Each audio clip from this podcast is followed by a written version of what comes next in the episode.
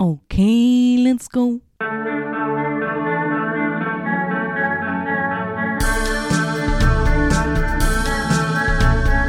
Nicolas Cage podcast. Nicolas Cage podcast. Na na na na. Vond je een film van Nicolas Cage leuk? Dan zou het kunnen dat hij in deze podcast zit. Nicolas Cage podcast. Na na na na. National Treasure.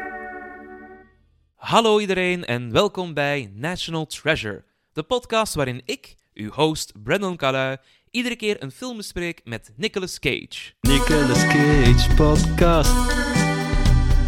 Vandaag is Dr. Anke Brouwers te gast. Ze is docent aan KASK en Conservatorium School of Arts in Gent, waar ze filmgeschiedenis en audiovisuele compositie geeft aan de nieuwe generatie filmmakers. Daarnaast schrijft ze voor filmtijdschriften zoals Fantomas, Humbug, Vertigo en Fotogenie en heeft ze een boek geschreven met als titel Mooi zijn en zwijgen: de machtige vrouwen van de Amerikaanse stille film. Zoveel kennis is niet alleen welkom in de podcast, maar ook noodzakelijk. Ik ben overgelukkig dat er nog een gaatje was in haar agenda om met mij te kunnen spreken. Welcome to the Cage Stage, Anke! Na na na na. National Treasure. Dat is wel grappig, dat is heel vaak wel de intro van... Ja, we zochten nog een vrouw, dus toen kwamen we bij jou terecht. Ja, Helaas al vaak gehoord. Oei. Maar bon, anderzijds is het een, is niet slecht hè, dat, dat de reflex er nu is om inderdaad... Dat je dat zelf opmerkt en denkt van... Er mogen misschien wat meer vrouwen aan het woord komen. Want we hebben wel een heel mannelijke film ook gekozen. hè. het, het is... Amai, het is... Ik heb, het- ik heb de castlist opgezocht. Er zitten Ja. weliswaar twee vrouwen in. Ja. Claire eh, Forlani en Vanessa Marshall. En Ja. dan beginnen de piemels. Tuurlijk, tuurlijk. En de rolletjes zijn ook zeer klein. Dochter van, eventjes illustratief, een klein plot-elementje. Eh, en dan het lief van, hè, die inderdaad Ja. eigenlijk ook eh, die in verwachting is. En daar gaat het eigenlijk alleen maar over. over eh, zij wil trouwen, dus het is dat soort vrouw van, we have to get married. Ja, en dat is wel zo wat typisch, vind ik, bij Jerry Bruckheimer films. Ja. Want we hebben in deze podcast er al een paar gezien, omwille van... Ja, Cage en Bruckheimer hebben wel een paar Ja. films samen gedaan. Mhm. Dat is zo, ook in Ghost Rider bijvoorbeeld. Ah ja, jij zei het hier als emotionele chantage op het einde. Exact, ja. ja. Top, leuk, gaan we Ja. dat gebruiken. Maar ik wil eh, misschien eerst met een hele andere vraag beginnen. Ja, u bent Mhm. docent op het KASK eh, voor film, en filmgeschiedenis onder andere. Eh, waar is het bij u begonnen? Wat is die eerste vonk geweest voor film? Mm, ik denk dat die echt gewoon begonnen is in de bioscoop. Dus eh, door gewoon ehm, eh, veel te gaan. En ik had ook wel op school mijn beste vriend, Jacob Verbrugge, die is uiteindelijk regisseur geworden. Ja, inderdaad. Dus, eh, seizoen 1 heeft hij onder andere Bijvoorbeeld. gedraaid. En Code 37. Ja. Zeker. En nu werkt hij voornamelijk in Amerika, dus eigenlijk hij maakt een beetje wel zijn droom waar. Ja, die Alienist had ik gezien. Ja, eh, bijvoorbeeld. En- keigoed En voor Apple TV zijn nu heel vaak aan het werken. Oh, Die shit. Invasion en nu een nieuwe reeks die er ook zal aankomen. Dus dat is al een tweede reeks dat hij daarmee maakt. Dus dat is echt wel, zijn carrière is wat dat betreft al waar hij had, waar had gedroomd. en eigenlijk, en dat is geestig, is Michael Bay voor hem wel een... eh, dat was altijd een referentie, enigszins ironisch en grappend. Hè, want we hebben ook kritiek op Michael eh, de, de figuur Bay. Maar anderzijds is dat ook gewoon een, een, een heel boeiende... ehm, actieregisseur. Hè? En als je dan ook weet dat eh, Ar- Armageddon, daar is ook een Criterion-collectie DVD van uitgekomen. We moeten daar ook niet alleen maar de neus voor ophalen, hè, voor dit soort van entertainment. Als dat, Nee, absoluut. als dat heel goed gedaan is, is dat ook nog altijd heel goed. Hè? Ook al is het niet eh, cerebraal of intellectueel, en, en dat hoeft ook absoluut niet te zijn. Maar dus ja, die liefde, die vraag, hè, daarmee, en wij gingen samen heel altijd kijken. Elk weekend gingen wij naar iets, hè, dat maakte eigenlijk niet uit wat. Wij eh tapeten ook dingen, dat was in de tijd van VHS. En dan gaven we dat door aan elkaar, want hij had ook een grootvader die dan dingen opnam voor ons, als wij eh, tegelijkertijd hè, de, de, de zoemende recorders en dan nog een derde. En dan gingen wij ook in het filmmuseum op de Meer, toen nog in Antwerpen, gingen wij regelmatig naar klassiekers en ook naar lezingen over klassiekers of inleidingen. En daar is bij mij dan meer ook de interesse echt voornamelijk in filmgeschiedenis en in, ehm, daar begonnen. En dus dat is natuurlijk, als je dan naar The Rock gaat kijken, of naar, dan hoor je van, ah, het zit vol met referenties naar. Heel deze film is eigenlijk ook gewoon... Een, je kan die gebruiken als startpunt en dan een beetje Hollywood, voornamelijk Hollywood filmgeschiedenis gaan bekijken. Dus dat is eigenlijk wel prettig. Daar zeg je inderdaad wel iets, want tijdens mijn opzoekingswerk had ik zoiets van, oh wauw, dus dit is, een van, dit de eerste film bij Bruckheimer en Cage, waaruit een hele samenwerking is ontstaan. Eh, we hebben dan ook eh, Ed Harris en Cage, die dan later zullen samenwerken in National Treasure. Wat ik wel een heel grappige kleine referentie vind. Eh, op een gegeven moment wordt er hier een auto gestolen en je ziet zo'n man gaan van, hé, hey, mijn auto. Dat is exact dezelfde gast uit National Treasure, die ook zijn auto gestolen wordt. Waar ik dan denk van, ah ja, het heeft met elkaar niks te maken. Maar dat soort kleine dingetjes vind ik wel grappig. Ja. Als ook, ja, Michael Bay, nog jong, nog wild, gaat van, ja, ik wil deze film keihard maken. Mhm. Die heeft daar heel wat bullshit ook op gekregen. Mhm. Ehm, zoals bijvoorbeeld, ik heb het hier ook allemaal natuurlijk opgeschreven. Hij eh, wou absoluut filmen op het eiland van Alcatraz. Dat is van ja, ehm, dat is een keigoede locatie om te citeren. I gotta shoot on this island because the island is so fucking bitchin'. Dus daar wou hij absoluut eh, shooten, maar die studio was daar niet echt content mee, want ze konden dat eiland en de prison niet afsluiten. Ja. Dus er waren gewoon nog walking tours keihard bezig. Ja, ja, Dat ik dan, allee, moest ik in die tijd eh, volwassen geweest zijn, want ik was zeer jong. Ik kom uit 93. Ah, dus, ja. Oh. Oh ja, maar ik zou het wel grappig gevonden hebben. En hier draaien ze de nieuwe film. Oh, wauw. Zou ik wel cool gevonden hebben. Ja, ja. Zeker met een held als Sean Connery. Zalig toch? Totaal. Super slimme casting natuurlijk ook. Hè. Maar het is wel grappig aan Alcatraz, want inderdaad, die tours, omdat dat zoveel geld opbrengt voor, Mhm. voor de stad San Francisco, zeiden die van ah, no way dat wij die tours gaan stopzetten. Dus inderdaad, tegelijkertijd op zaterdagen, als er dan echt gigantisch veel toeristen eh, naar dat eiland komen, dan zijn die eigenlijk net buiten beeld, moet je je voorstellen. Ik vind het eigenlijk wel een grappig gegeven. Maar ook om de keuze om daar te draaien. Misschien is dat ook wel typisch. Hè? Je zegt het, hè? het is een jonge gast. Hij was 32 toen hij de film maakte. Dat is echt allee, ja, een jonkie. Eh, ja, voor dat soort van budget ook, hè, met dat soort supersterren toch wel te werken. Absoluut. Ehm, en dan op dat eiland, dan zeggen ja, het moet op locatie, bewonderenswaardig, maar niks kon daar... ei- Dat was eigenlijk het zichzelf moeilijk maakte, maken, hè, want alles wat hij in gedachten had, en vooral zijn, second unit camera, die had eigenlijk nooit plaats. Hè. Die ruimtes zijn te Ja. klein, je mocht daar niks aan veranderen, want dat is ook een, een, een, een historisch eh, eh, monument, ja. hè, dus je mocht daar ook niet... Zelfs dingen, als ze iets aan de, aan de muur wilden kleven met tape, blijkbaar. Al is het maar een elektriciteitsdraad, dat ging niet, omdat de verf van het afbladeren was. En ze mochten, moesten dan ook opletten om dan niet verdere beschadigingen te doen. Dus het is eigenlijk wonderbaarlijk genoeg allemaal goed gelopen. Want het heeft echt wel veel stress opgeleverd. Want ik denk dat de DP gezegd heeft, Jason Schwartzman, Mhm. die zei, eh, ik ben zeven... Wat was? Hij zegt, hij zegt pounds, hoeveel is dat in kilo's? Dat weet ik niet. Bon, zeven pounds is hem Pak- kwijtgeraakt. Ja, pakt 7 Toch pounds. behoorlijk inderdaad, wat, hè, eh, door de stress van gewoon hoe moeten we dat die logistiek aanpakken. En dat, dat, dat is best ook wel, wel spijtig, omdat ehm, ja, die, stu- die, die studio, hè, eh, dus de Walt Disney Studios, hè, de gasten achter Buena Vista, die waren niet echt altijd zo content met, eh, met Bay. En er is blijkbaar een story dat Bay zich moest komen verantwoorden bij de executives van, luistert, we moeten eens een keer deftig gaan praten. En terwijl hij van de, eh, van de location afstapt, ziet hij Sean Connery in golftenue. En Sean gaat van, show, why are you going to see these people? en hij gaat van, ja, ik moet mij gaan verantwoorden. Zo van, oh, I will join you in this meeting.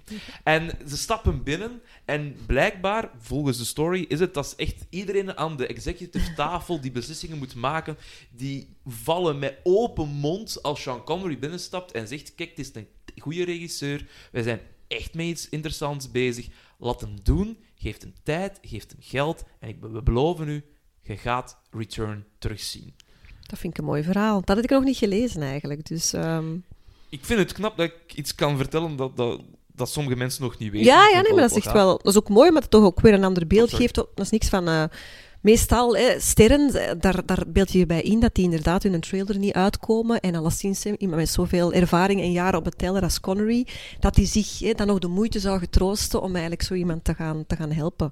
Maar dat, is, dat vind Ja. ik daarom ook mooi. Dus Eh, dat, zeker ook ja. omdat je dan weet, als je het hebt over het eiland Alcatraz, hij had blijkbaar gezegd, ik wil niet iedere keer op en af dat eiland. Mm. Geef mij een trailer of een tent of weet ik veel wat op het eiland. Ik wil daar slapen. Straf. Ja, dat is gewoon ook gelukt. Dat hebben we gewoon gegeven. Ja, ja, ja. Dus als we dan die tourguides toch een keer pakken, hè, hè, en hier is een deze gestorven, en daar hebben ze gegeten, En daar is de trailer. zijn- voilà, Kijk wel. Connery zijn tent. Ja, ja. Eh, maar er zijn, voordat het hele filmproces begon, nog heel Mhm. wat andere problemen geweest voor The Rock te kunnen maken, namelijk het scenario. Heel veel bullshit daarover. Namelijk, er was een, ehm, een script van David Weisberg en Douglas S. Cook. Dat was een schrijversduo. En ehm daar werd heel veel al aan geknutseld en geprutst. Onder andere door Jonathan Hensley van Jumanji. Kijk, goede film trouwens ook. En eh, het probleem was vooral dat de Writers Guild of America, dat we ook allemaal nu kennen door de stakingen en zo, een regel hebben van uw naam komt pas op de credits als er 50% van het eindwerk van u daadwerkelijk is. Mhm. Terwijl, als je het, li- het lijstje krijgt van wie eraan heeft meegewerkt, Mhm. je hebt eh, Mark Rosner, die staat daar ook op, Mhm. maar Aaron Sorkin en Mhm. Quentin Tarantino hebben daar ook aan gezeten. Dan denk ik, what the fuck? Hoe, hoe zot is... Allee, langs mijn kant, ik ben een leek, hoe zot is dat wel niet? Dat er zo, ja, een Tarantino gaat... Wappelen, schrijf dan een keer aan. Ja, misschien is dat eerder wel script doctrine geweest, of een beetje, een beetje polijsten van de dialogen. Ik snap wel waarom dat die regel er is, omdat je anders eh, heel snel, ehm, er zijn genoeg gehaaide, zij het producent of regisseurs, die zeggen, ik ben er eens over gegaan, die veranderen hier en daar Ah, iets. zo. En dan zeggen van, kijk, nu wil ik screen credit. En er kan heel veel... En credit is echt wel, wil ook zeggen uiteraard, niet alleen erkenning, maar wil ook zeggen centen. En om dat eigenlijk te vermijden, dat er eigenlijk misbruik wordt gemaakt van die, van die credit, eh, denk ik dat ze die regel hebben. Dus ik begrijp die wel vanuit de Screen Actor, eh, Screenwriters Guild of America, dat dat daarom is. Ja. Maar daarom dat er heel vaak, vandaar is IMDb en zo heel erg leuk, dat kan je zien van hè, wie is er uncredited, wie is er nog allemaal bij betrokken geweest. Ehm, dat is bij elk script wel zo. Er zijn altijd meer ogen en handen eh, of typemachines Ja. aan, aan te pas gekomen dan dat je weet. Maar ik vind dat wel, allee, ik begrijp dat wel in, in dit geval. Wel, ik begrijp ook wel die gedachte goed, perfect. Maar ik vind het interessant altijd om zo Ja. peeking behind the curtain van wat is hier allemaal gebeurd. En ook in verschillende afleveringen van deze podcast, ook, hè, beste luisteraars en kijkers. Ehm, je merkt dat ook wel dat zo'n film... Wij denken heel vaak als kijkers van, ah ja, ze hebben een idee gehad en ze zijn direct gaan start gegaan. En Mm. het is zo'n eh, ja, rollercoasterrit. Ehm, als kijktip, ik, af en toe geef ik ook een keer kijktips. Mhm. Ik ben nu aan het kijken naar The Offer op Paramount Plus over het maakproces van Ja. de Godfather-film. Ik, ik dacht niet dat je daar tien afleveringen over kon vullen. Ja, fucking wel dus. Mhm. Kijk goede story. Want ja. Ja. een van de meest legendarische films, vind ik. Ja, was blijkbaar een, echt een lastpost om dat te maken. Ja. Als het dan gaat over dat scenario hier ook nog. ehm, Sean Connery vroeg ook aan Dick Clement en Ian La Ferranis. Maar ik kan niet meer, niet meer spreken. Ah, Onhandig voor een podcast. Van hey, mijn dialogen wil ik graag een beetje gepolijst zien, want ik vind het moeilijk om dat te bekken. En dat werd gedaan en dat werd blijkbaar een enorm ander personage. Dus ze hebben dat heel wat teruggeschroefd, maar het was Nicolas Cage, we zijn er bij onze boy himself, die zei: Jij moogt eigenlijk niet vloeken. Hè, jij zei van MI6, hè, jij bent een sir. Zorg er dus voor dat jij totaal niet vloekt in die film. Hij pakt zo'n G-Wiz of zo af en toe. Behalve op één moment. Als je tegenover Ed Harris effectief staat, als je daar een swear tussen laat, ja. die gaat keihard vallen. Mhm. En dat is ook overgehouden. Ja. Wat wel knap is dat die suggestie dan wordt gegeven en ook wordt ja, gehoord. Want ja, je zit natuurlijk bij een Nicolas Cage podcast. Heb jij een connotatie bij Nicolas Cage? Ehm, ik heb vooral, als ik aan Nicolas connotatie, dan denk ik vooral aan de intonatie. Hè? Dus hoe Nicolas Cage een line zou leggen. Hè, dus meestal, er zit er, het duurt vrij lang in de rock, vind ik, voordat er echt dat echte Cage-moment komt, Mhm. vind ik. Hè? Het is eigenlijk een heel vrij rustige performance. Eh, hij speelt natuurlijk ook iemand die, die zoals men altijd zegt, van mild-mannered is. Dus iemand wel, hè, met, eh, het is ook een deftige jongen, hè, die inderdaad eerder in, in, in, in labo's zit, dus eh, die niet bepaald een wild leven leidt. Absoluut. En dan, als het moment er komt, hè, dan gaat die, krijg je wel zo de, de, de, de caginess. Dat, dat, dat is voor mij dan de... Ik denk dat een personage zegt van... eh, I- take pleasure in gutting you, boy. Zegt iemand tegen hem. En dat, dan herhaalt hem dat. I take pleasure in gutting you, boy. En dan nog eens. I take pleasure in gutting you, boy. Dus ook zo de, de pauzes die hij legt. En dan natuurlijk de grote eh, shame on them of zoiets. Of zo. Op het einde begint hem, dan- geeft hij dan ook nog, ik kan het niet nadoen, hè, maar geeft hij dan ook nog zo'n eh, een uitbarsting. Dus vooral de, dat soort onverwachte, ehm, bij Cage ondertussen natuurlijk verwachte manieren van line readings, daar denk ik aan. Maar ik heb in die periode eigenlijk alles gezien. Hè, dus ehm, van, met, met Nicolas Cage. Hij begon met The Rock, zijn wij in de, in de cinema gaan zien. Hij kreeg daarna, hè, wat kwam daarna direct uit? Con Air. Ja, dat is die En dan Face Off, ze kwam ook direct. ehm 8 Mile, eh 8 eh, Mile, nee, eh 8 Millimeter. Wat ik heb hier allemaal nog opgeschreven, allemaal gezien. Eh, Snake Eyes. En ook eigenlijk, dat is, dat is Brian De Palma, hè? dat is John Woo dat hij aan het samenwerken is. Dat is eigenlijk, ja, dat- maar ik vind het wel geestig dat daarna dan Lieve Las Vegas komt. Hè? Dus je hebt eigenlijk die... Dat is ook zo het onverwachte. Dus dat zit ook misschien in dan de onverwachte line reading. Is ook, iedereen zei van, is hij zot? Hè? Dus Ja, je wint absoluut. een Oscar. hè, dat Hard, heeft er hard aan gewerkt om daar te komen. En dan kiezen eigenlijk voor een genre dat voor heel veel mensen...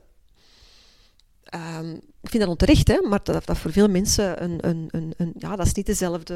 eh, ehm, prestige, dat is niet hetzelfde ehm, waarde voor heel Ja. veel mensen.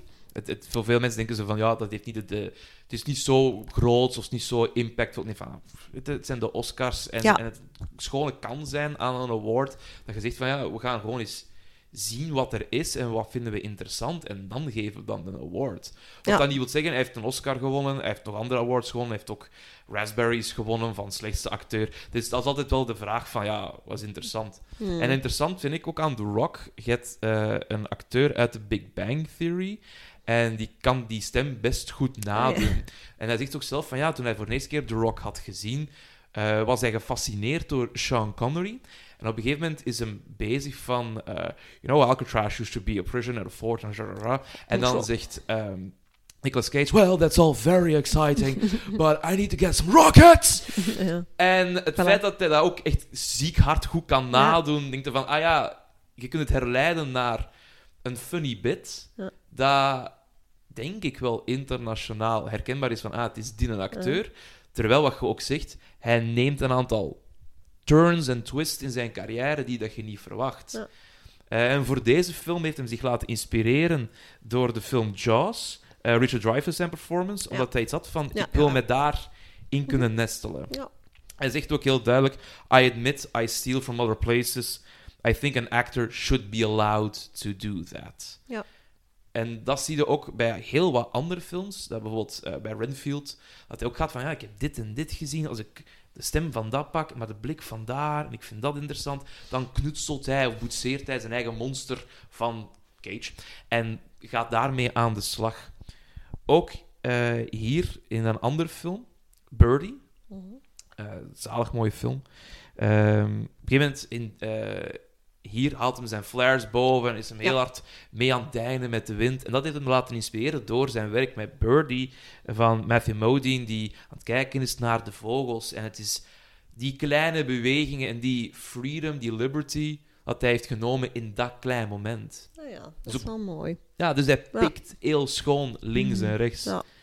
En Maar ja, tuurlijk mag dat. Dat is geen enkel probleem. Tuurlijk. En zeker als, als, als het... Hij, hij kiest dan ook dan, denk ik, met de juiste... Hij zoekt de juiste emotionele invulling. En dan lijkt me dat heel evident. Dat is ook Mhm. wel acteren, is ook posing. Hè, is inderdaad heel vaak code, is een Ja. houding, is een geste die wij herkennen en waar wij dan de juiste emotie op uh, in herkennen of op projecteren. Dus dat is het technische aspect eigenlijk. Hè. Dus, uh, voilà. Heel veel mensen denken dat het moet... Nee, je moet dat echt voelen. Ik vind dat helemaal niet zo. Hè. Uh, vind de beste acteurs zijn niet per se de acteurs die echt voelen wat ze aan het spelen zijn. Nee, absoluut. Het is Dus- ook gewoon vaak van, you gotta hit your mark. Je Ja. moet daar gaan staan, want die camera komt er dan. Tuurlijk. En je hebt een interview, ik denk dat het met Benedict Cumberbatch is, in een zo van die late night talkshow, Ja. eh Huppel de Pups. En die gaat van, oké, ik ga nu intens verdriet tonen. En je ziet een blik. Dus oké, ja, nu ga ik enorm kwaad zijn. Het is dezelfde blik. En hij zegt van, ja, omdat je zo dicht zit met een camera op iemand zijn gezicht, als je dan heel kwaad wordt of heel verdrietig, wordt dat heel snel ongeloofwaardig. Dus je moet in minimalisme gaan denken. En vooral in suggestie. Ook zegt, ja, wij connoteren het dit, dus moet het dat worden. En dat vind ik bij, bij Cage zijn performance hier zeer interessant. Want hij begint als dat nerdje en hij wordt steedsonstabieler, omdat hij wordt ja, meegetrokken in al die, die guns blazing en het komt allemaal op u terecht en help. En Het is wel grappig. Ik heb toevallig vanmorgen lesgegeven ook over uh, Lev Kuleshov en over het Kuleshov-effect. Omdat je Mhm. begint over die... Hè, de, dat Cumberbatch zegt, ik toon dezelfde gelaatsuitdrukking. Dat is één ding van, je mag niet te groot spelen, want inderdaad, dan krijg je je moet moduleren, want de camera staat er vaak heel dicht op. Maar ook, de, je krijgt betekenis door het shot dat daarna komt en het shot dat ervoor komt. Eh, dus je kan twee keer dezelfde blik hebben en de ene keer laten we dat volgen door, eh, door eh, de poes. En dan zeg je van, ah, die vrouw houdt echt wel van katten. Of je kan beelden tonen ehm, uit, van een oorlogssituatie in hetzelfde blik en zeggen van, die is heel erg betrokken bij wat er gebeurt. Ja, ja, ja, oorlogssituatie. het, is, oh, het, is, het is een flashback. Het is, ja. het is, ook- het is oké. Ehm, nee, nee, dus dat is wel... Maar dat, klopt, ik denk dat dat een intelligente acteur is. En tuurlijk, het is heel gemakkelijk om iemand die... iedereen kent ook, weet veel over zijn privéleven, dus als je dan eh, ziet, de, de keuzes hè, de laatste jaren zijn wat minder, potentieel minder gecureerd, eh, omdat hij schulden moest afbetalen en heel veel hè, lopende kosten heeft. En dan denk 6 ik, miljoen, ja.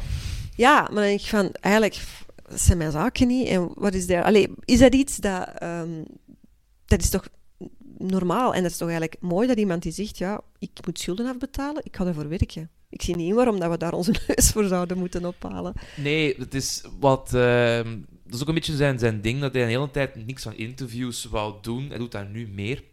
Omdat hij de hele tijd werd geport van. Jij zijn de raren. En, en jij moet die, die stomme films maken, want je schulden. Dus hij had van ja, weet je, het gaat toch ook over The Craft ergens.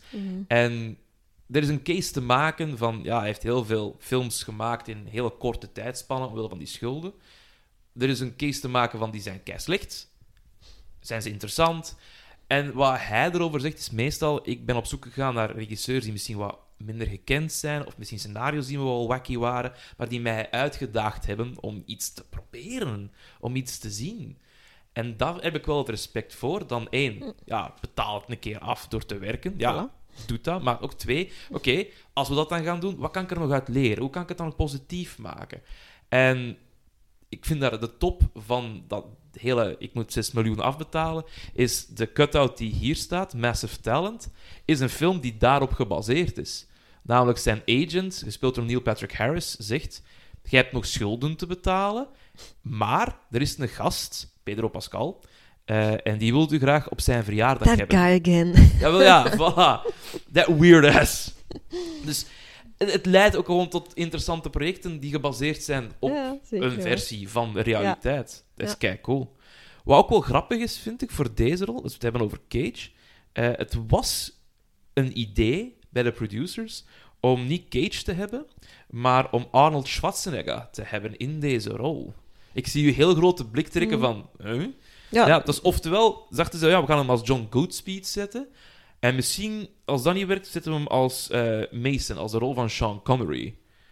Nu, Arnold heeft gezegd, ik ga dat niet doen. ja, Voor de reden, er liggen nog maar acht pagina's scenario. Hmm. Dat echt heel vroeg in het proces. ja.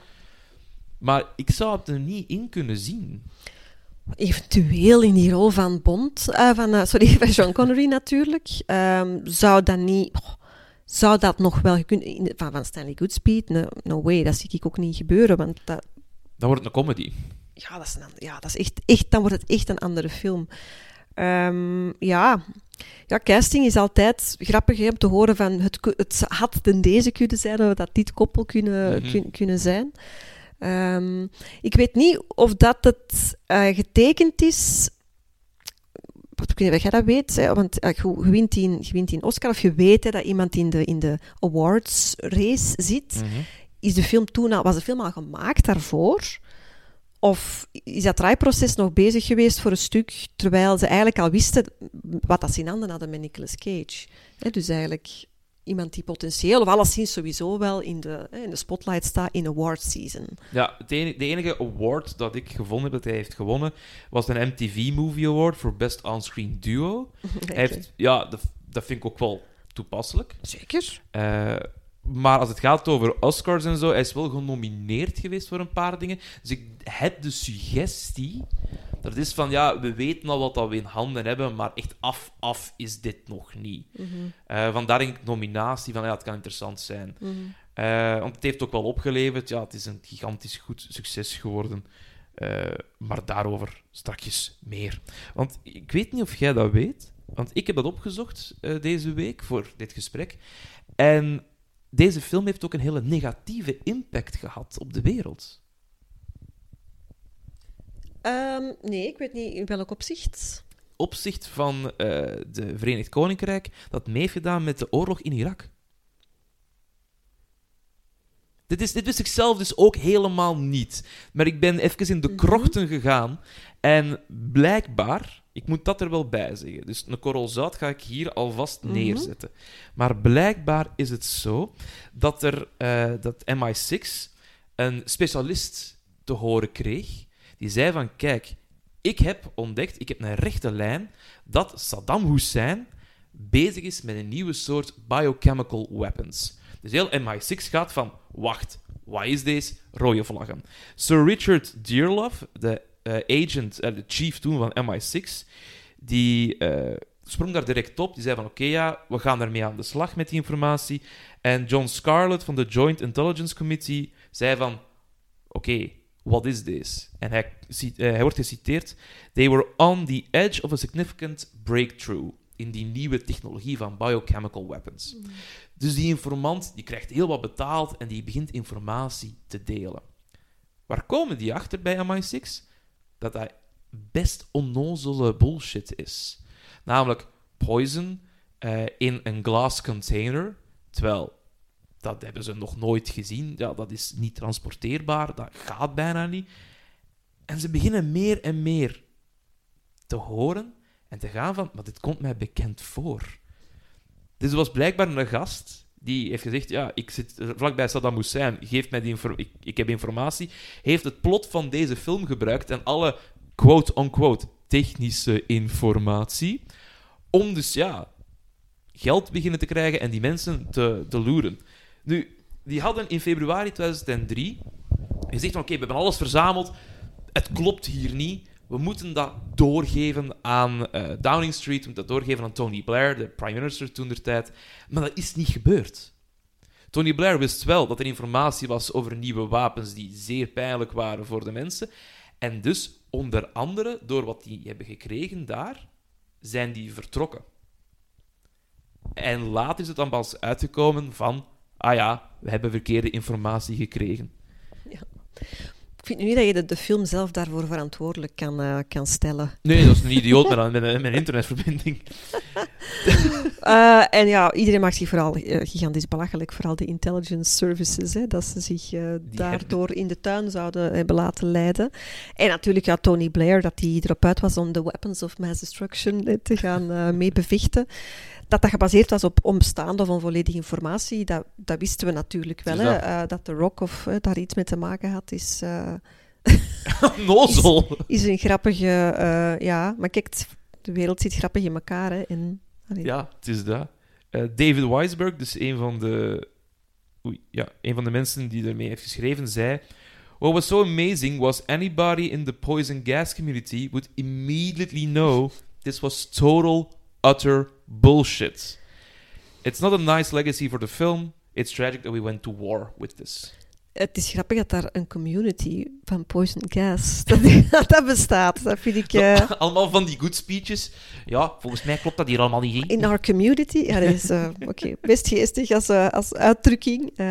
Ja, nee, natuurlijk, want dat, als je de film... Hè, dat, dat werd natuurlijk ook in elke recensie, ook in de positieve recensies, wordt er Mhm. gezegd dat het is, het is van, de pot gerukt. Hè. Ah, absoluut. Alles is totaal belachelijk. Het gaat er ook niet om dat je dat gelooft of dat je nog maar op enig moment eh, echt denkt van oeh, dat is echt spannend. Allee, dat je de echte dreiging voelt, want het gaat wel over iets vies. hè. We krijgen de proloog is eigenlijk wel bedoeld om, om aan te tonen van kijk, hè, dat is echt een, een vies goedje waar we mee Mhm. bezig zijn. Hè. Dat een van die... eh, ehm, ja, ja.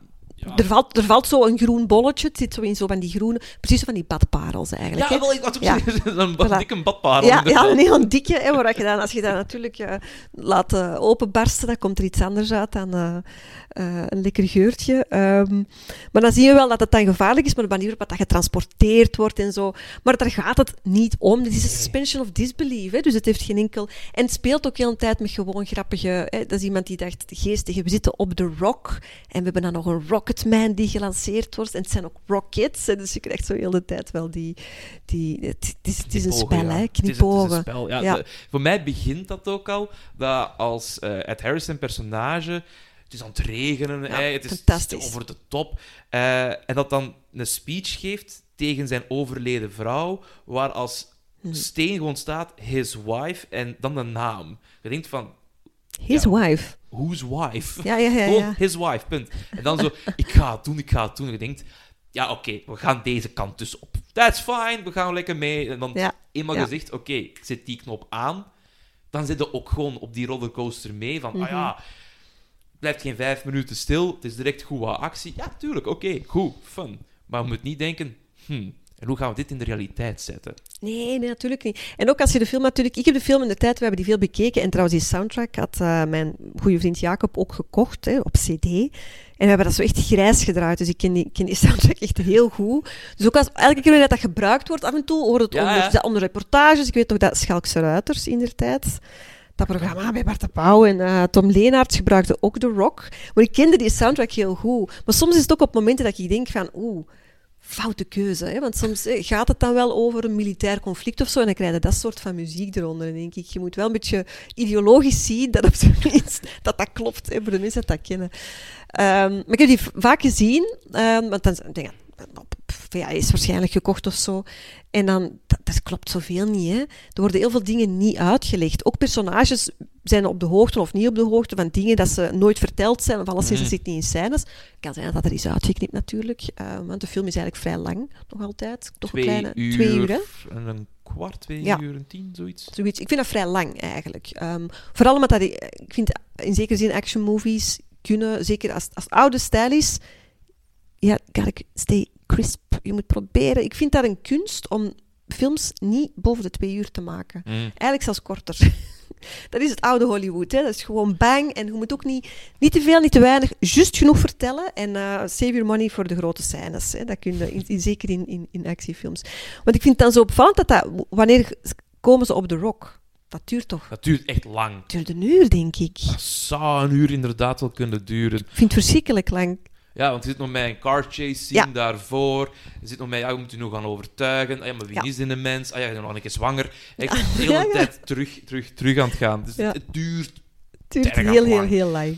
Eh, want dan, als het eenmaal de rock is, dan krijg je voor mij wel, wat je zegt, die crispiness van oké, ja, Ja. op het moment dat ze Dat eraan waar, komen, ja. bam, maar dan gaat het in een goede versnelling, Ja. dan wordt zeer interessant. Mhm. Dan denk ik van, alright, nu zijn we goed bezig.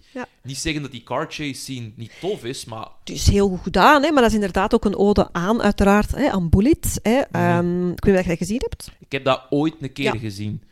Dat is fantastisch, hè? Bedoel, en dit is ook, ik vind, vind dat heel goed ehm, gedaan. Ik vind het wel heel geestig hoe dat hem vertelt dat hem, eh, hoe dat, dat gedraaid is. Hè? Dat hij dus eh, met een camerawerk, eh, las ik in American Cinematographers en zo over bezig, dat ze dus speciaal, als ze dus ook op, ze zitten dan op, op, op, op auto's mee, of, hè, mobiel, om medicijnen in te blikken, dat ze dus de schroefjes van ook de camera's en van de statieven, of van eh, waar dat dan de steadicam op staat, of de persoon op staat, dat die niet zo goed waren aangedraaid. Dat alles toch een beetje nog kon rammelen. Omwille Ze- van die shaking. Ja, ze willen absoluut dat de dingen rammelen. Dus ook dat af en toe zijn ze van, gaven wij zo wat, wat mippen tegen de dollies. Dus dat die camera's inderdaad zo echt... Dus, dus doelbewust eigenlijk om nog meer zo die intensiteit en bij, en wat er eigenlijk in te krijgen. Dus eh, technisch is dat echt een heel... Allee, want dat is Michael Bay ook, en dat is ook waar ik er denk ik in waardeer. Dat is een, dat is een totale nerd en techneut, hè. oh, fuck, ja, absoluut. Maar, maar met de grootste bewondering, hè, want dat is, die is echt, die, die, die speaks ook alleen maar techniek hè, en Mhm. handleidingen. En eh, daar, ik gebruik daar die lens of dat type camera om precies dat effect. En ik zet mijn licht zo. Dat is iemand die heel goed weet wat dat aan het doen is. Echt heel, heel, heel goed. Ja, Dus, en, en het feit dat hij, ik denk ik in, in pacing dat ook heel goed weet van oké, nu dit en nu gaan we naar dat en nu gaan we zus en dan gaan we zo. En dat is altijd tof als er nerds gaan van oké, we gaan eens iets proberen te bouwen. Want dan krijg je altijd interessante dingen. Ja. Soms is dat goed, soms is dat niet goed, maar je kunt niet zeggen van ah, hm, het is toevalligheid gebeurd. Nee, totaal niet. Want wat doet hij ook heel vaak eh, eigenlijk over de as gaan? Hè? De eyeline matching die niet klopt. Veel te donker draaien. Heel veel mensen in een studio zouden waarschijnlijk gezegd hebben, als ze zo beneden in, in, in de kelders aan- Mhm. in, in, in Alcatraz aan het draaien zijn, dat hem te weinig licht gebruikt. Ja, Hè, Dat is eigenlijk iets wat puur voor klassiek uitgelichte eh scènes in Hollywood, die zouden veel meer licht hebben gebruikt. En het was ook heel moeilijk. Hè. Het was echt zo een ruimte waar je hè, zoveel eh, zou, voor zou nodig hebben. Dat zeggen, ik zeg maar iets, hè, twintig lampen, zeiden ze, het is met vier proberen. Ja. En zien hoe ver dat we komen. Eh, en dat is inderdaad, omdat, omdat dat met een heel andere getalenteerde filmmaker, alleen een DP werkte, is dat gelukt. Maar dat is niet evident, want je moet inderdaad ook nog wel iets zien. Hè. Totale duisternis is niet de bedoeling, maar ze wilden eigenlijk, omdat ze zeggen van ja, die mannen zijn zo getraind om onzichtbaar te zijn, moeten we toch dat zoveel mogelijk bereiken. Hè? Moeten we Mhm. inderdaad laten zien van die kunnen inderdaad wel haast onzichtbaar hè? in de duisternis ja, ja. bewegen. Dus eh, dat vind ik ook wel... ehm, dus technisch is dat eigenlijk een heel interessante eh, film. En om dan te weten, je zegt zo van ja, die kunnen echt in duisternis gaan bewegen Ja. en zo. Er zijn ook echte Navy SEALs die hierin zitten. Dus er Ah, zijn ja. effectief acteurs. Hè. Degenen Ja. die tekst hebben, dat zijn acteurs. Maar voor heel veel van die shootout scenes of van die follow scenes, van oké, ja, wij lopen hier door, dat zijn gewoon echte Navy SEAls. Dat zijn gewoon mensen die gaan van ja, jij hebt een middag vrij. Of een paar dagen vrij. Kom, we doen dat. Nu, je zegt iets heel stof ook. Hè. Ehm, de muziek ken die van buiten. Dat we ons daar even eens over hebben. Want eh, we hebben hier twee mensen die dat vooral hebben in elkaar gebokst. Hans Zimmer. Ja, ik ben een gigantische Zimmer-fan. Ik ben al live gaan zien. Mhm. Hij is geweldig, het is keigoed. Maar iemand die ik niet kende. eh, Nick Glennie Smith. Mm. Die wist ik helemaal niet wat dat was. Mm. Ehm, ja, die is een Engelse componist, dirigent, muzikant voor filmmuziek. Werkt vaak voor, met Zimmer samen. Voor onder andere Children of Glory, Point of No Return heeft hij ook meegemaakt. Zit bij het Hans Zimmer bedrijfje Remote Control Productions. Voor eh, zijn een huis dat heeft X-Men First Class gescoord. En Transformers, Revenge of the Fallen. Zit er terug bij Michael Bay. Ja. Ehm, maar Hoft heeft ook eigen filmscores gemaakt. The Man in the Iron Mask. Home Alone 3. En dat vind ik een heel grappige. The Lion King 2, Simba's Pride. Omdat... Je kunt heel veel zeggen van die, van die sequels van die Disney-films. Die zijn meestal gemaakt met... Dat was populair. Zet het C-team maar even aan het werk Mhm. en dan hebben we een nieuwe film. Maar er zit één iets in die film dat ik kei goed vind. Dat is het nummer eh, No, He Is Not One of Us. En dat je dat dan legt naast Hans Zimmer zijn een glorieuze eh, The Lion King en dat je dan weet, hé, maar die werken samen. Dan denk je van, oh, dat ene nummer vond ik ook goed. En daar zit ik, Ah, ja, ja, ah, ja. Top, leuk. Ik vind dat heel grappig. Ja. Ook heeft Nick Glennie Smith eh, muziek gemaakt voor een pretpark. Ah ja, Ik wist, ik wist helemaal niet dat dat moest. tuurlijk. Die, al die rides hebben ook eh, theme music, denk ik. Hè. En als je daar... eh, dat zult ook moeten betalen, hè. Je moet ook eh, Waarschijnlijk. muziek bestellen en dan, dan betalen. Ik ken enkel Ja. de Efteling als pretpark met goed veel muziek. Ja, die hebben ook hun eigen muziek, toch? Hè? Hun eigen liedjes en Plopsaland en zo. Dat wordt ook heel een tijd met Ja, hits van de Studio 100 fabriek. Ja, ja, dat is het enige dat je daar hoort, hè. Ja ik, ik ben- kom daar niet zo vaak. Ja, nee, ooit met de kinderen, hè, vroeger. Dus ehm, Ja, ik ging naar de Melie. Oh, ja, daarmee ik ook. oh ja. Dat is ook van mijn tijd, maar ja. Ja, ik weet zijn niet wat uw al- tijd is. Ik ga dat ook niet beginnen ah, ja, nee, maar nee. Ik ben van 1980, dus... ehm, dan schelen we 13 jaar. Ja. Eh, maar voor, dit, het, voor een Frans pretpark, eh Puy du Fou, mijn Frans is niet goed, maar voilà, dan is het. mhm. Dat is een pretpark dat helemaal gaat over de middeleeuwen met keiveel Ah, ja. shows en zo. Ja. Is het grootste pretpark na Disneyland en Park Asterix. Oké, ja, dat is respectabel. Voilà, en heeft hij al die muziek voor gemaakt. Mhm. Ik dacht van, holy shit. Zou zijn bijdrage dan zijn, er is zo één stuk, een heel, eigenlijk, een beetje een sentimenteel, dat, dat mij al zo'n beetje aan Ierse folklore doet denken, zo die... Ja, wel, Zou dat misschien dan van hem komen? Ja, of, misschien iets ehm, meer van, ja. Dan is het... Oh, die intieme... Ja. turururu. Ja, ja. Ik denk dat dat puur zimmer is. Ja, ja, het militarisme zo zit meer bij Zimmer. en Ja. misschien zo de emotie bij dan... eh, Ja, bij de De andere, ja, bij, Ja. bij Nick Lenny Smith. Dat zou inderdaad wel kunnen. Ja, ik kan het niet... Nu, ik weet het ook zeggen. niet. Ik weet het ook niet. Het is misschien ook het eh, hè, cliché om ze misschien alle twee die rol toe te dichten, maar dat is misschien wel... eh, het zou kunnen. Het zou kunnen, want Ja. ik hoor- hoort wel in die theme... Ja, ik vind dat een geweldig goede theme. Mm. Dat, dat militaire, dat krachtige, en dat Ja. zweept ook heel mooi, vind ik, Ja. op dat ritme van... Als je heel die film zou comprimeren in drie minuten, kijk dat die golfbeweging Mm, exact ook mee.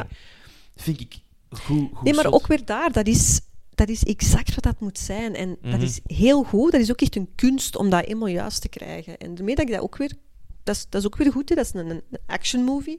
Want ik heb nog een paar grappige citaten. Ik weet niet of we daar misschien nu Oh of ja, straks... gooi ze er lekker in, Nee, joh. nee, nog gewoon dat. Dus iedere sens, dus iedereen die dan heel vaak, eh, heb ik gelezen, eh, mensen zeggen wel van dat is my guilty pleasure. Ik ging dan zo wat van, oké, bon, whatever. Oké, goed, hè, dat is dan uw guilty pleasure, of van, ik, ik hou ik wel van. Eh, maar dan krijg je natuurlijk ook, hè, mensen zeggen altijd van, over Michael Bay gaat het dan van, he's to vulgarity as a fish is to water.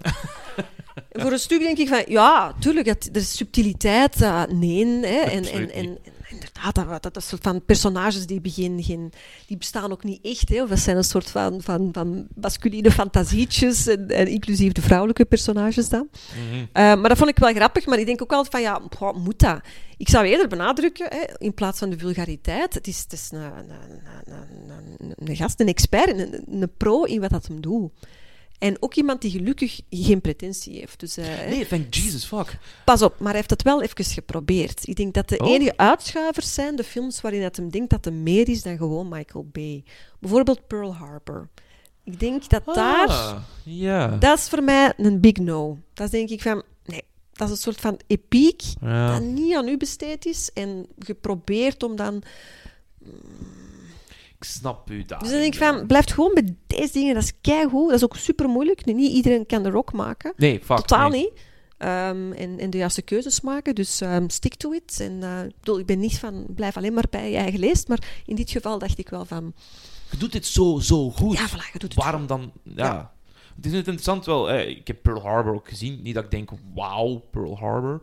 Ehm, er staan een aantal goede momenten in. Maar wat dat je zegt, snap ik wel meer, omdat ik misschien niet goed wist dat het Michael Bay was die het had geregisseerd. Ja, dat is, dat is het, een gevoel van importantie dat hem daarin heeft. Dat hem in zijn andere films eigenlijk niet heeft. Zelfs met Armageddon, dat is gewoon pure fun. Hè? Dat is ook Harry Stamper, dat is lachen. En dat is inderdaad ook wel de wereld redden enzovoort. Maar dat is zo... Dat is, dat, blij- dat is vrijblijvend. Dat is enkel en plezier. Dat is ook geen metafoor of dat is ook geen echte waarschuwing voor ecologische rampen. Nee, dat is gewoon wat het is.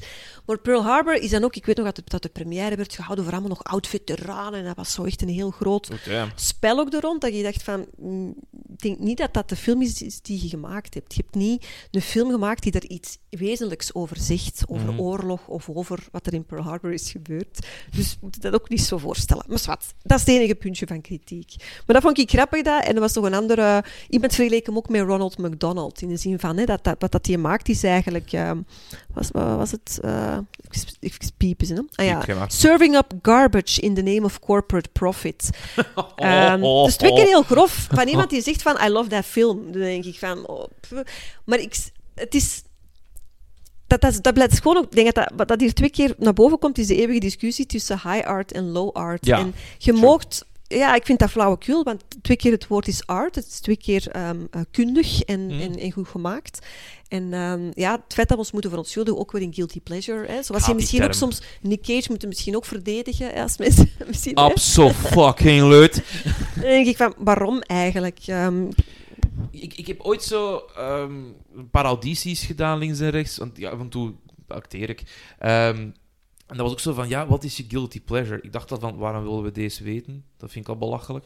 Maar vooral, ik haat de term. Want Mm. if you get pleasure out of it, you should not feel guilty about the whole thing. nee, tenzij het mensen neerknallen is en eh, katjes Oh, ja. eh, martelen. Ja, is dat nu dat- guilty Dat pleasure? is geen guilty pleasure, dat is gewoon van, ah, hij zot, hij moet, eh, laat die polsen een keer zien, klik, klik en weg.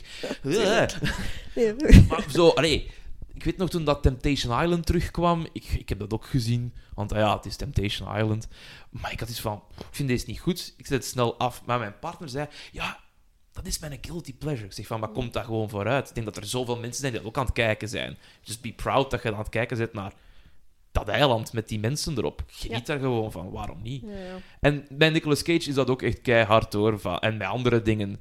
Iedere keer dat je- als je je nek uitsteekt van. En dit vind ik nu eens echt gaaf. Zijn er altijd mensen die zeggen. Natuurlijk, ja. Ah, ah. Nou ja, maar dat geldt ook... ook zelf doe je dat ook, hè. Zelf kun je niet altijd vinden in wat iemand anders helemaal gek van wordt. En ja, vice versa, hè. Dat is pech. Wat ik ook wel grappig vind als het gaat over de muziek. Ik vind het altijd interessant als eh, er muziek klinkt, maar dat er dan iets mee gedaan wordt. Bijvoorbeeld in eh, Family Man begint Nicolas Cage te zingen eh, La Donna e Mobile. Oftewel in zijn versie La Donna e Mobile. Dus keigoed. En ook hier begint Sean Connery te zingen If You're Going to San Francisco van Scott McKenzie onder de douche.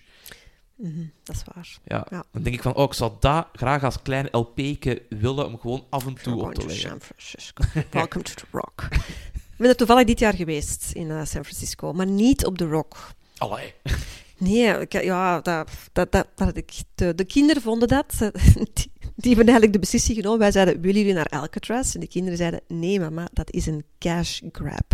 Ah, ja, ik, ja, ik snap dat, dat, dat, snap dat ergens wel. Ja, ze gaan van, eh, te veel geld. Ja, nou, ja, ja het is dat. het Is aan. Ze willen natuurlijk dat dat geld wel besteed, aan andere, eh, besteed wordt aan andere dingen. Hè. Zoals dan in Los Angeles aan, eh, aan, aan daar aan pretpark, Universal Studios en zo. Ja. Dus dan hadden ze zo'n beetje gedacht van, we gaan dat toch een beetje... We gaan dat goed spelen, dat we daar zeker... eh, Dan krijg je flashbacks naar, maar ik heb dat zo, ik ken dat. Net zoals Sean Connery, weet ik mijn weg daar. ja, ja, ja, het is dat. Ik- Mag ik dat vragen? Welke versie van de film heb jij gezien? Goeie, eh, goeie vraag, want ik heb, ik ken er maar één. Dat, is een goed, ja, dat is, ik heb het eens, eh, oh, IMDb heeft mij daar vooral geholpen. Ja. En dan ben ik eens echt gaan duiken. Er zijn zoveel versies van deze film. Het is, het is zot. Ik ga er eens een paar opnoemen gewoon. Bij Ja. de meeste, bijvoorbeeld Australië, eh, die Mhm. zeggen van, ja, eh, je hebt een scène, een shot, sorry, Hmm. waar dat Sean Connery Ja. een mes gooit door een keel. Ja. In heel veel versies gaat hij Ja, eruit. maar dat is een censuur. Dat is dan puur censuur voor lokale markten. Dat, dat beschouw ik niet... Tenzij het echt een alternatieve kut is van de regisseur, beschouw Ah. ik dat niet als een andere versie. Want Eh, vaak is het, in, in, in Turkije worden shots waarin dat mensen aan het Ja. grappig genoeg, mensen aan het roken zijn. Ja, inderdaad. Ik heb hier ook een Arabische versie Ja. waar dat Goodspeed en zijn vriendin al getrouwd zijn. Dat wordt gedubt, dus je kunt daar van Ja. maken wat dat je wilt. Eh, wat hebben we hier nog? Dat, dat vind ik ook funny. In Singapore hebben ze alle vieze woorden eruit gehaald. Maar ja, die lippen moeten nog wel een beetje kloppen. Dus bullshit wordt bullstit. Pissed off wordt biffed off. Dat vind ik altijd hilarisch, omdat ook zo op airplanes gaan ze ook bijvoorbeeld Die Hard laten zien. Maar ja, yippie motherfucker kun je niet doen. Dus wordt dat yippie mother trucker. Ik weet het, Turn the Trucking Trucks Around. Hè? Heel bekende, hè? Schitterend, hè? Ik heb in Amerika heel- een tijdje gewoond en dan zie je dus de, eh, gestudeerd en dan zie je dus op tv ook al die versies. Dat, dat kun je niet geloven. Ja, wel. Ik heb er ooit eens American Pie op tv gezien, dus wat dat daar allemaal moet uitgeknipt en her... En dat wordt eigenlijk, ja, dat is dus niet gedubt dan, die worden gemaakt ook, terwijl ze aan het draaien Ja. zijn, draaien die wel die versies. Hè? Dus die acteurs hebben altijd al de twee versies voor tv, hè? een closed captioned en dan de, eh, de gewone eh, release gemaakt. Het is gewoon oh, niet te geloven. Zo stom of zo. Ja, Ja. dat heb ik ook al, al gezien, dat dan ze worden teruggehaald voor een aantal grunts of geluiden te Ja. doen. En dat dan ook soms, ah ja, je hebt dat woord gebruikt. Ja. Zeg de zin nog een keertje maar bij een andere. Ja, ja, ja, nu is dat nog gemakkelijker. Hè? Met nieuwe technologie kunnen ze eigenlijk erop zetten wat dat ze willen. Maar Oh, dat doen ze toch ook voor, voor, voor rap-songs toch heel vaak, hè? Ja, constant wordt daarin... Ge... Ja, als je naar muziek luistert, is dat permanent. Eh, zelfs ook liedjes van hè, redelijk eh, middle of the road popsterren, van, als Taylor Swift, die gebruiken ook fuck, hè, maar er zijn ook Mhm. alternatieve versies. Hè. Dus die, je kan ook kiezen welke versie dat je beluistert. Met de fuck, zonder de fuck, of met een boel... shh.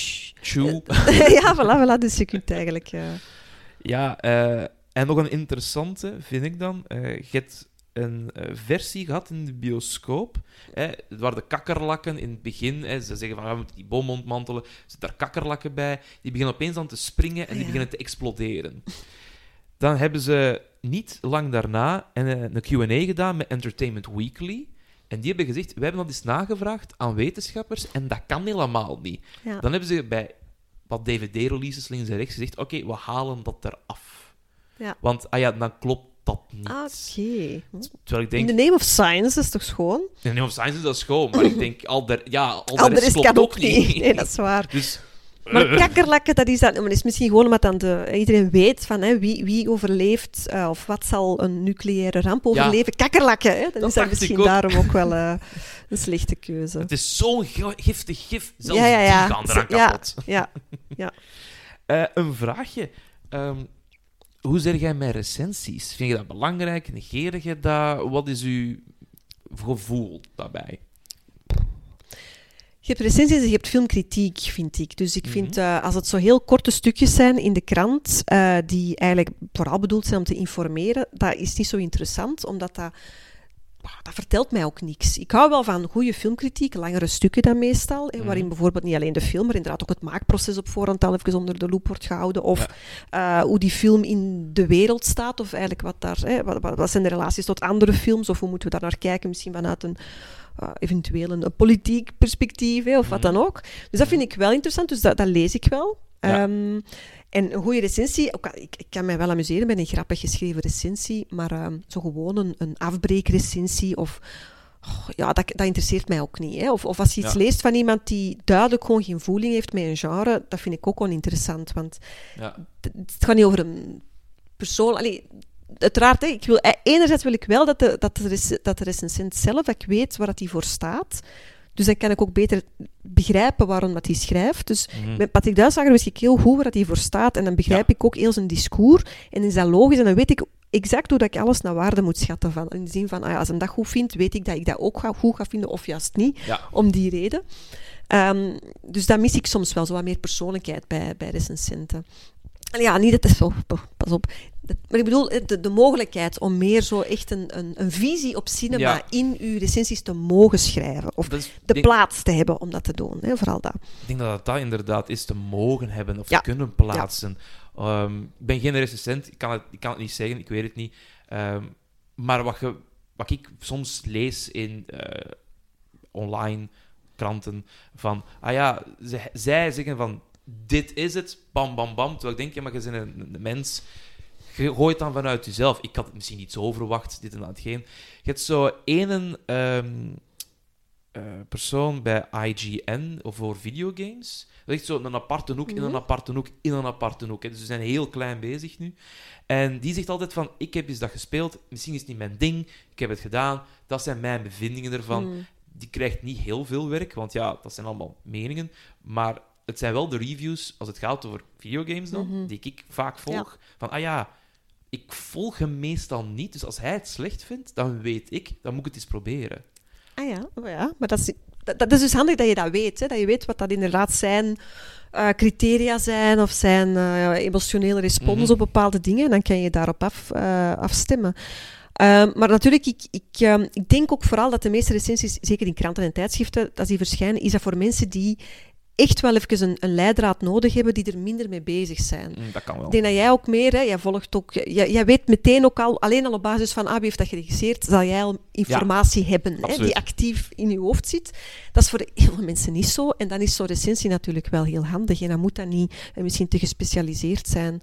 Ehm, dus ja, het is ook weer, daarmee dat je soms beter naar... Ik lees ook meer recensies bijvoorbeeld op, op Reverse Shot. Niet of je dat, dat, dat ken kent. ik niet.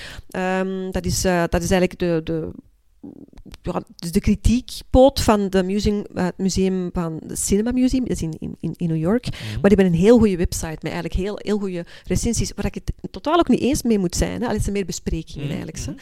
Ehm, maar dat is gewoon heel interessant. Er wordt altijd een, een, een, ja, een, een idee over ook cinema of wat die film is opgebouwd en, en klaargelegd. En dat wordt heel, ja, heel eloquent, fantastisch goed besproken. Dus dat lees Oh. ik graag. Sight and Sound lees ik ook wel Ja, graag. dat ken ik, ja. Ehm, ook, niet, ook niet altijd, hè. Af en toe wilde liever eens een Empire lezen. Het is Ja. fijn, hè. Dus ook weer daar, af en toe, hangt het er een beetje vanaf wat Je je noemt gezien daar nu hebt. iets op. Ik weet nog donders goed toen ik eh, aan het studeren was. Dan spreek ik over de periode 2012, 2016.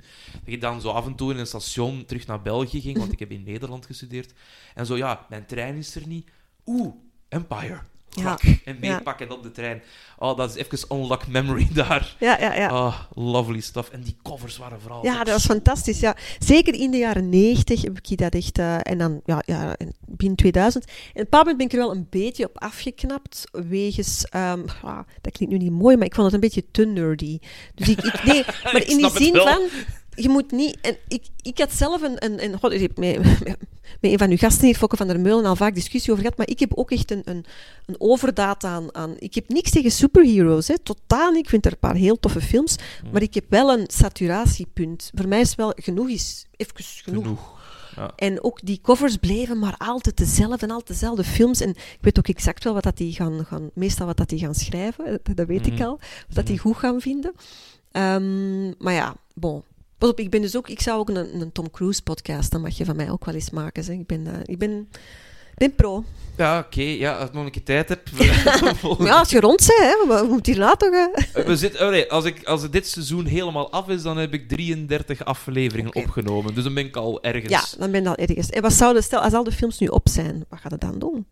Ten eerste heel blij zijn dat ik zoveel films heb mogen bespreken met heel veel interessante gasten. Dat eerst echt vooral. Maar daarna, ach, ik, ik, ik, heb, ik, heb nerds, ik heb nerds in mijn omgeving, ik ben er zelf natuurlijk ook een, die gaan van, zullen we anders niet bijvoorbeeld een Assassin's Creed podcast Ah, ja, maken? ja, Oeh, military history podcast Ja, maken. nou. Zo, Napoleon komt binnenkort uit. Ik kijk er zo hard naar uit. Maar ik heb vrienden die echt Mhm. fan zijn van die periode van de geschiedenis. Maar ook van de battles. En iets hebben van, kunnen we niet Ah, anderhalf uur, twee uur gewoon praten over die slag? Ik denk, dat is kei cool. Maar wanneer moet ik dat gaan doen? Ja. Ik werk nog, mensen. Ja, ja, Centjes ja. verdienen. Ja, tuurlijk. Ja. Alleen maar nee, dat gaat u niet vervelen, maar dat is goed. Hè. Dat is niet dat je in een zwart gat gaat vallen. Nee, nee, merci. Nu, deze film heeft het aanzienlijk goed gedaan. Het had een budget van 75 miljoen. Het heeft 335 miljoen binnengerijfd, internationaal. Hij heeft eh, op de eerste weekend dat hij eh, uitkwam, heeft hij Mission Impossible verslagen op de rankings. Ah, zeg dit, dat doet wel pijn natuurlijk. Ik ben juist geout als Tom Cruise eh, ja, kijk, eh, maar het was wel een goede Mission Impossible film. Ja, fantastisch. Dat is de Palma-film, de eerste in 96. Ja, ja. De Palma, sowieso. Ja, ja, uiteraard. Ehm, en de première van deze film is trouwens zich, eh, uitgez- uitgezonden, eh, getoond geweest in de Prison Recreation Yard op Alcatraz zelf. Dus dat vind ik wel een hele mooie knipoog. Zeker, zeker. Nu, als het gaat over eh, recensies, reviews, hè, je hebt ook heel veel sites die heel veel scores geven. Ik wil ze met u even kort overlopen. Ik heb er vier. Mhm. Het zijn, keuzes. Ja. Altijd. Ehm, IMDb geeft dit een 7,4 op 10.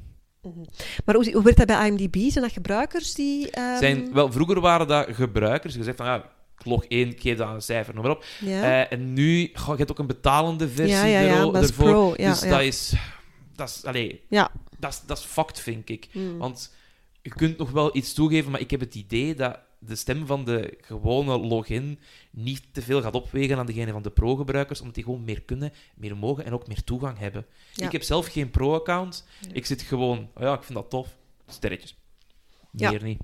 Oké. Maar een 7.4 van het grosso modo volk dat op IMDb Mhm. iets kan Mhm. doen.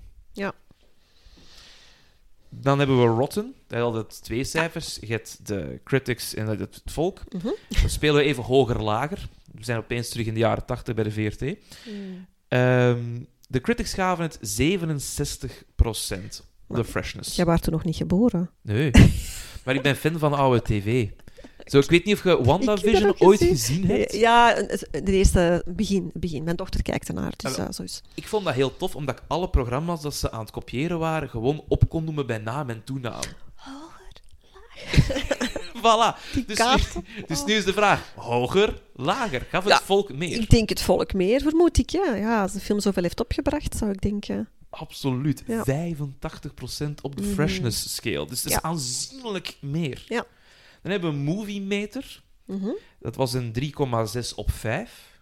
Ja, Blijf een beetje bij die IMDb. zo, dat, zit zo, ja, dat lijkt zo wel inderdaad daarop. Hè. Zo boven het gemiddelde. Dus dat. Maar natuurlijk, de beste review site van allemaal, bol.com, geeft het een, een 4,8 op 5 sterren.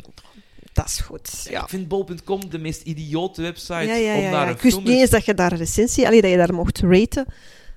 Je mocht daar alles op reten. Dus koopte jij daar een bladblazer? Ja, maar dat wist ik, maar dan gaat het toch een... Dan gaat het, dus werkt het product goed?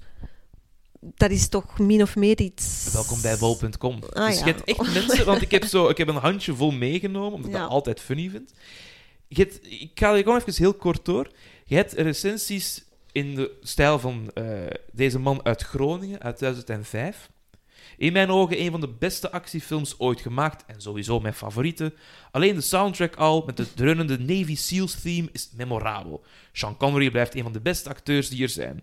Door de THX mastering heeft deze editie van The Rock de beste beeld- en geluidskwaliteit die je maar kunt wensen.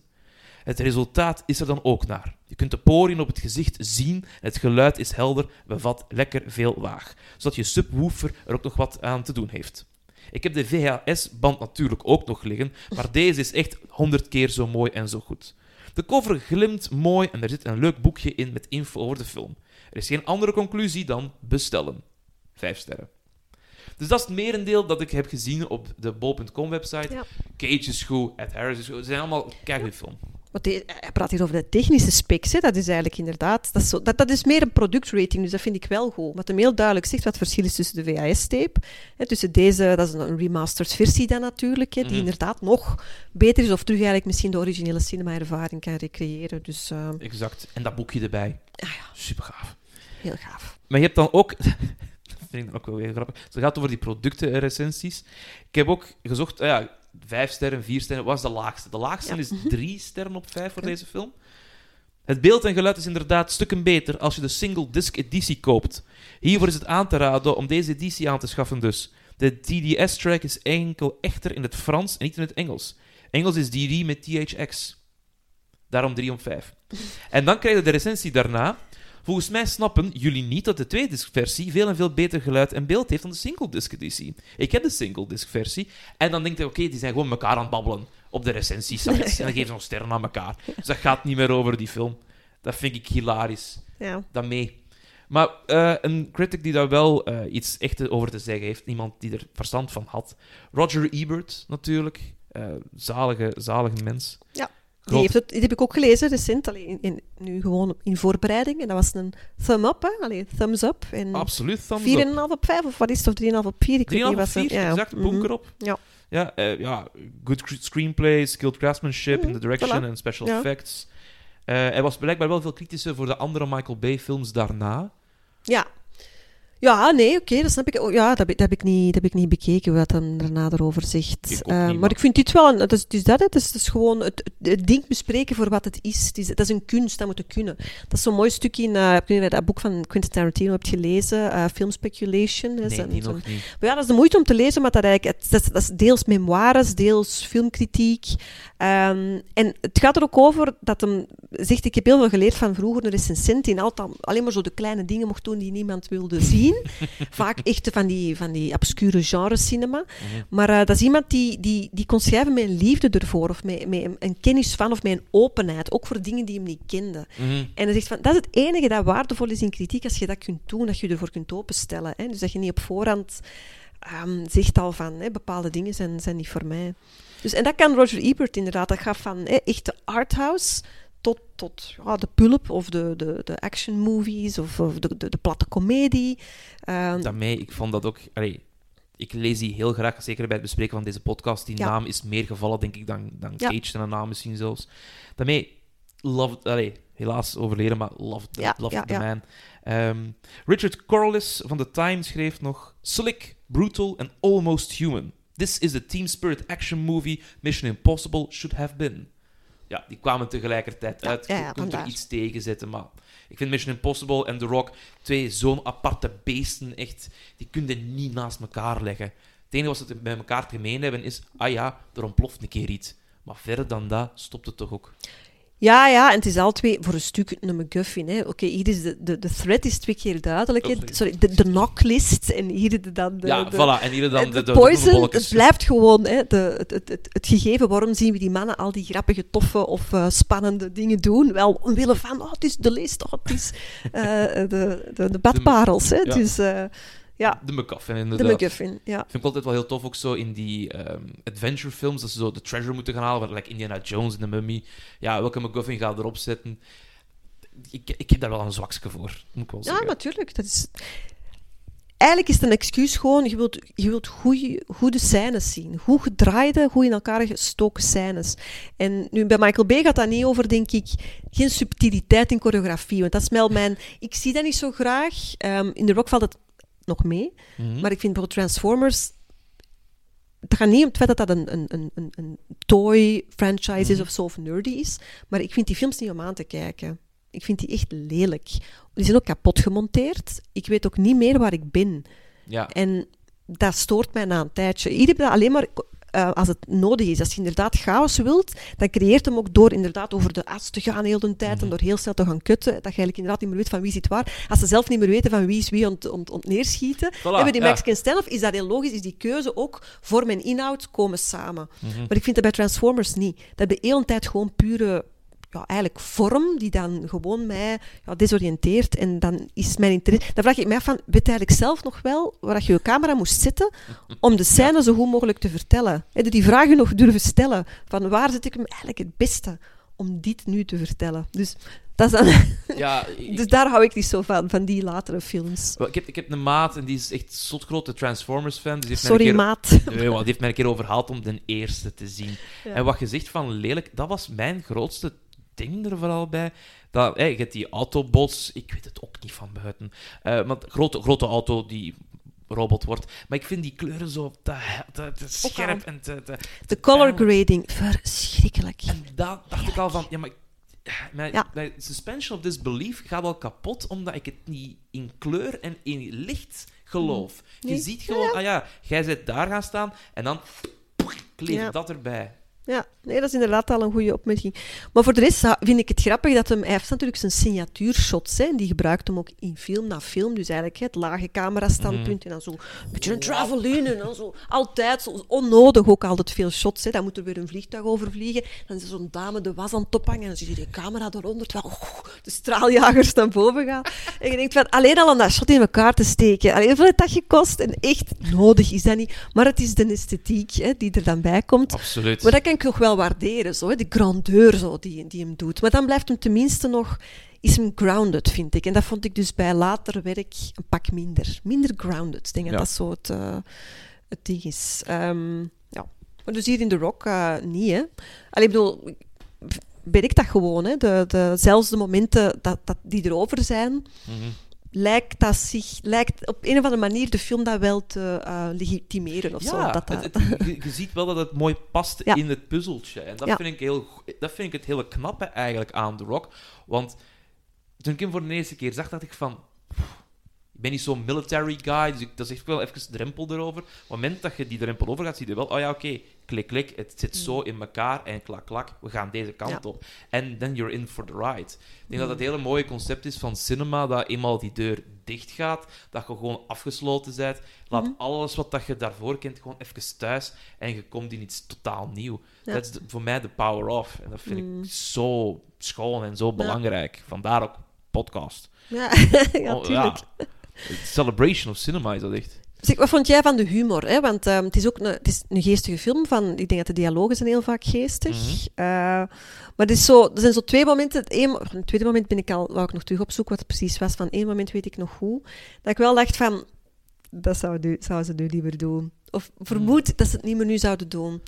Ehm, het, gaat, het moment bijvoorbeeld met de, de ehm, duidelijke eh, gay eh, hairdresser. Ja, ja, ja, ja, dat Dus- hij daar in die lift op een gegeven moment zit van... Ja. Het interesseert me allemaal niet, maar zeg mij gewoon, vond u haar Van je goed?" haar goed. Ja, ja dus dat, maar dat is misschien nog wel een mopje. Maar gewoon het feit dat, dat de keuze wordt gemaakt om daar echt zo een, een Stereotype. stereotype, tussen aanhalingstekens, een nicht te zetten. Hè, Mhm. Met de bedoeling dat dat eigenlijk ons moet aan het lachen brengen. Alleen al het feit dat je zo begint van, hoe moet ik hier aan beginnen? Hè? Dus dat Ja. is eigenlijk zo, eh, dat gegeven, dat, van, dat is grappig, dat is zo de, de, de, hè, de blissful jaren 90 nog, en voor een stuk de jaren 2000 natuurlijk ook nog.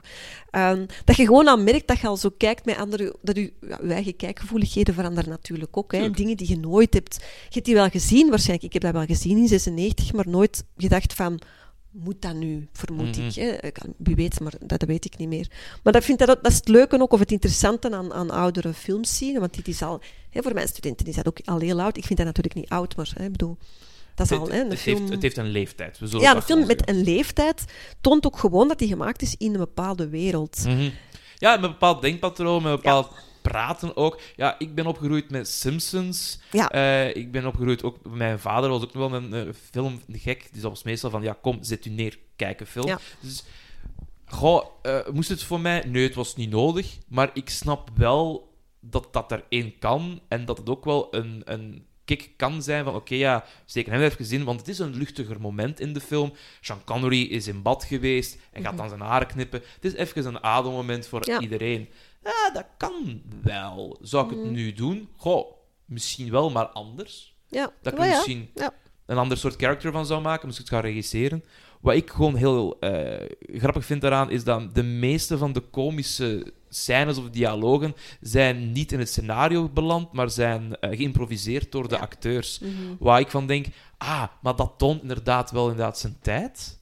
Maar ook, vind ik, de balls om te zeggen van, we gaan dat gewoon doen. We vinden het funny, we steken het erin Mhm. en het heeft resultaat gehad. Het heeft... Mhm. Allee, ze wouden er een twee van maken ook, hè. Ja. Waarvan dat ze dan John Goodspeed moest dan achtervolgd worden door die FBI, want hij heeft die microfilm op het einde.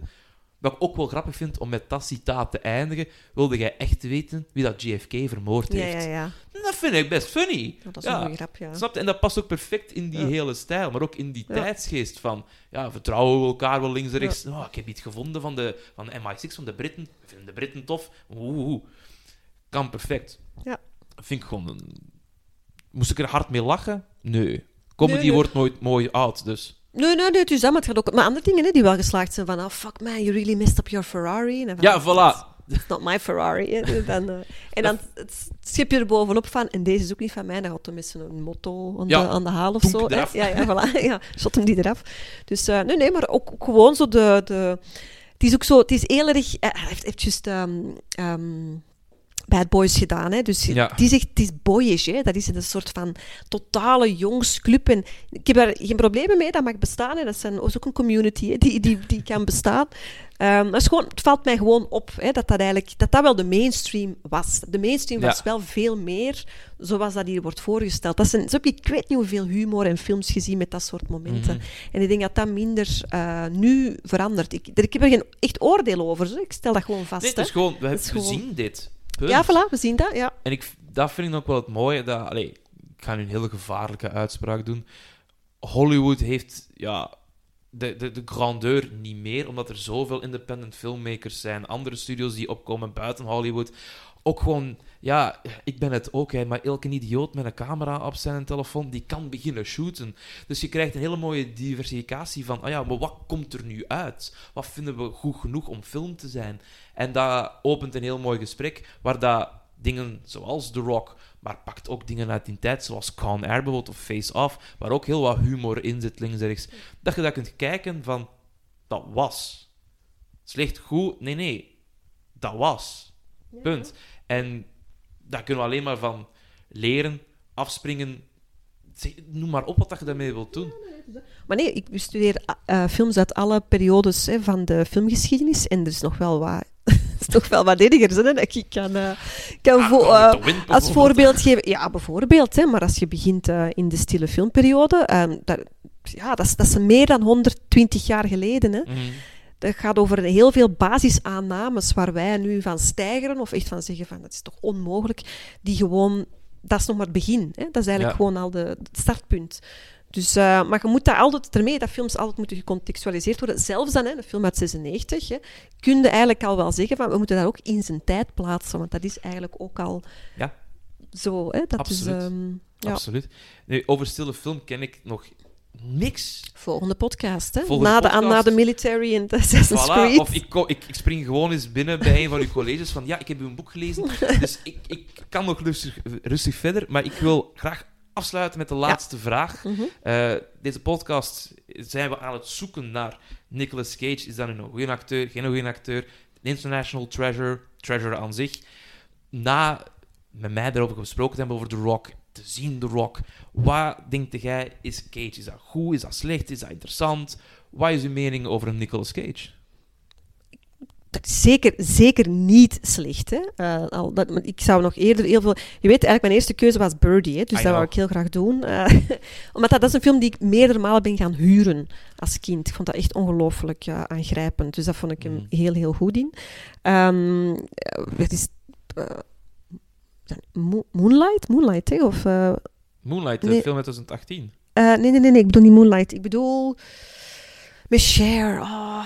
Ah, Moonstruck. Moonstruck, voilà, Ja. Moonstruck. En wel, dat, dat heb ik ook gezien als, als, als kind. Vond ik ook heel goed. Echt heel goed. Die Dus, komt ehm, trouwens volgende week. Ja, ja, ik vind dat een hele... Dat, dat, van, ja, nee, dat is een goede acteur. Voilà, vind ik wel. Ehm, Mhm. Met eigenlijk...